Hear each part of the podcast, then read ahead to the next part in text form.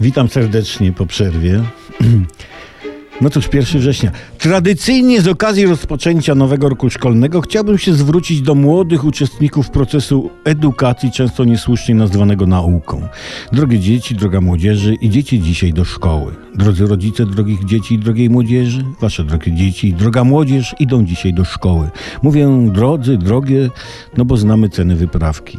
Pewnie zastanawiacie się, dlaczego w czwartek, a nie w poniedziałek, nie?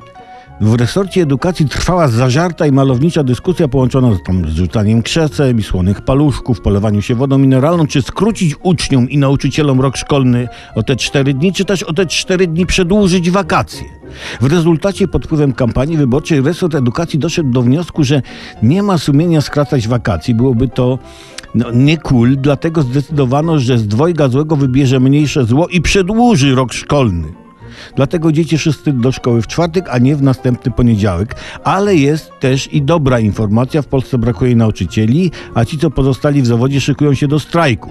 Nauczyciele strajkując nie będą robili nic. Czyli nic robili będą, właśnie coś takiego, a więc nie będą mieli czasu wami się zająć. I będą musieli rodzice. I to jest dla drogich rodziców zła wiadomość.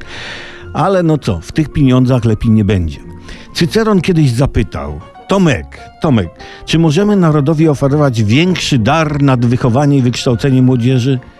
Tak, Cyceronie, możemy ofiarować większy dar. Podwyżki dla nauczycieli, ale nie cen.